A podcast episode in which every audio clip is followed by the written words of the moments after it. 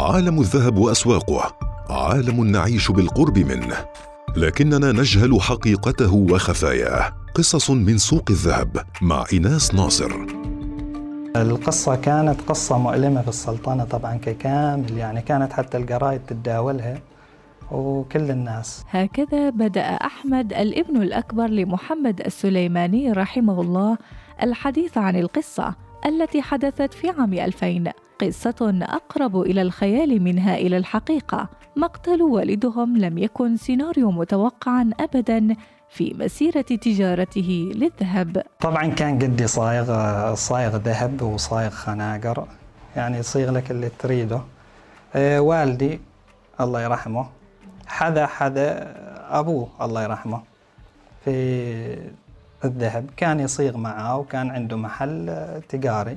المحل تقريبا ظل فيه يمكن 15 سنة قبل لا يتوفى الله يرحمه. آه، سنة 2000 توفى الله يرحمه.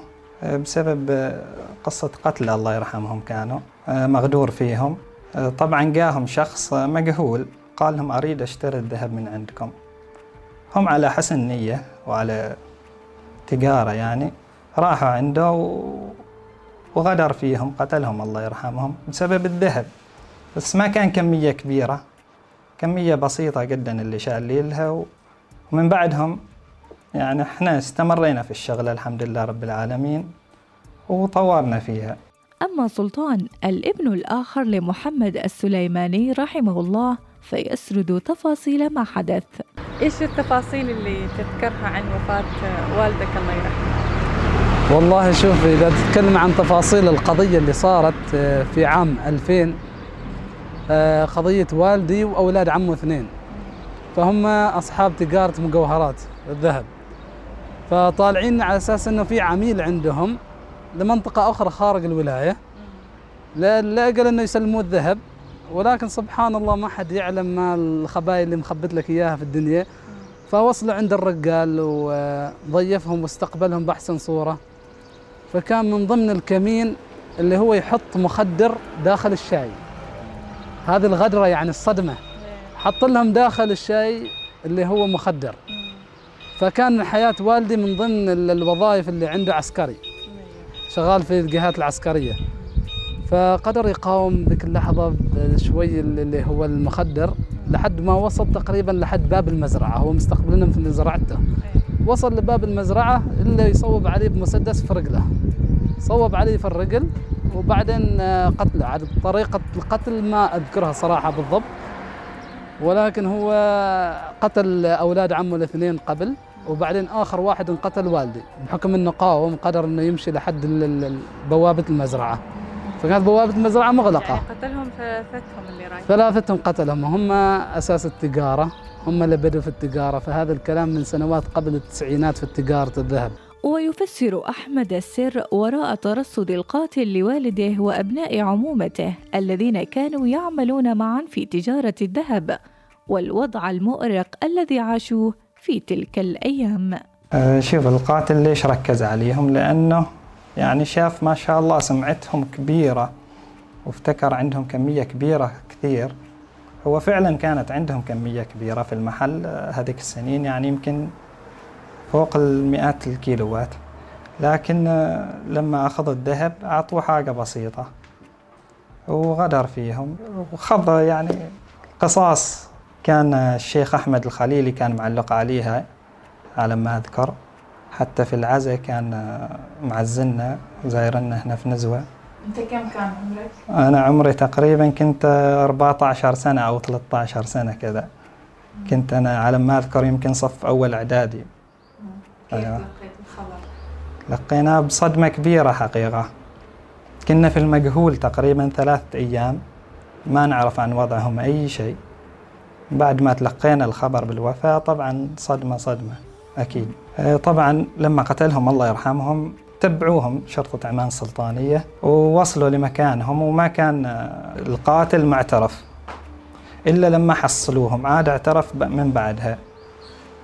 ف كان محلهم حتى في هذيك الجهة المحل آه، حياة المرحوم والدي وأولاد عمه. فبعدين إحنا فكرنا إن نتوسع في التجارة ولكن بحكم إن القضية فلازم إن نكون حذرين في نفس الوقت. يعني مجال الذهب شوي حساس.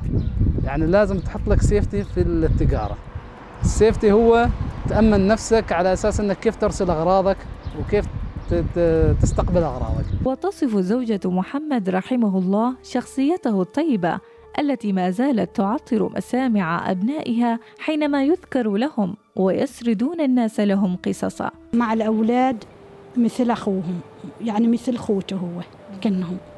أيوة ما كأنهم أولاده يعاملهم كأنهم خوته. شخصيته ما شاء الله عليه مع الناس واجد يلته شخصيته مع الناس.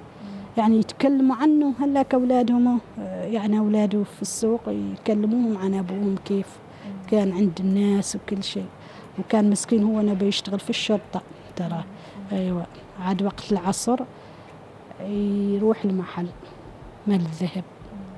كان ولد عمه يديره. أيوة أبوه مقتول معاه.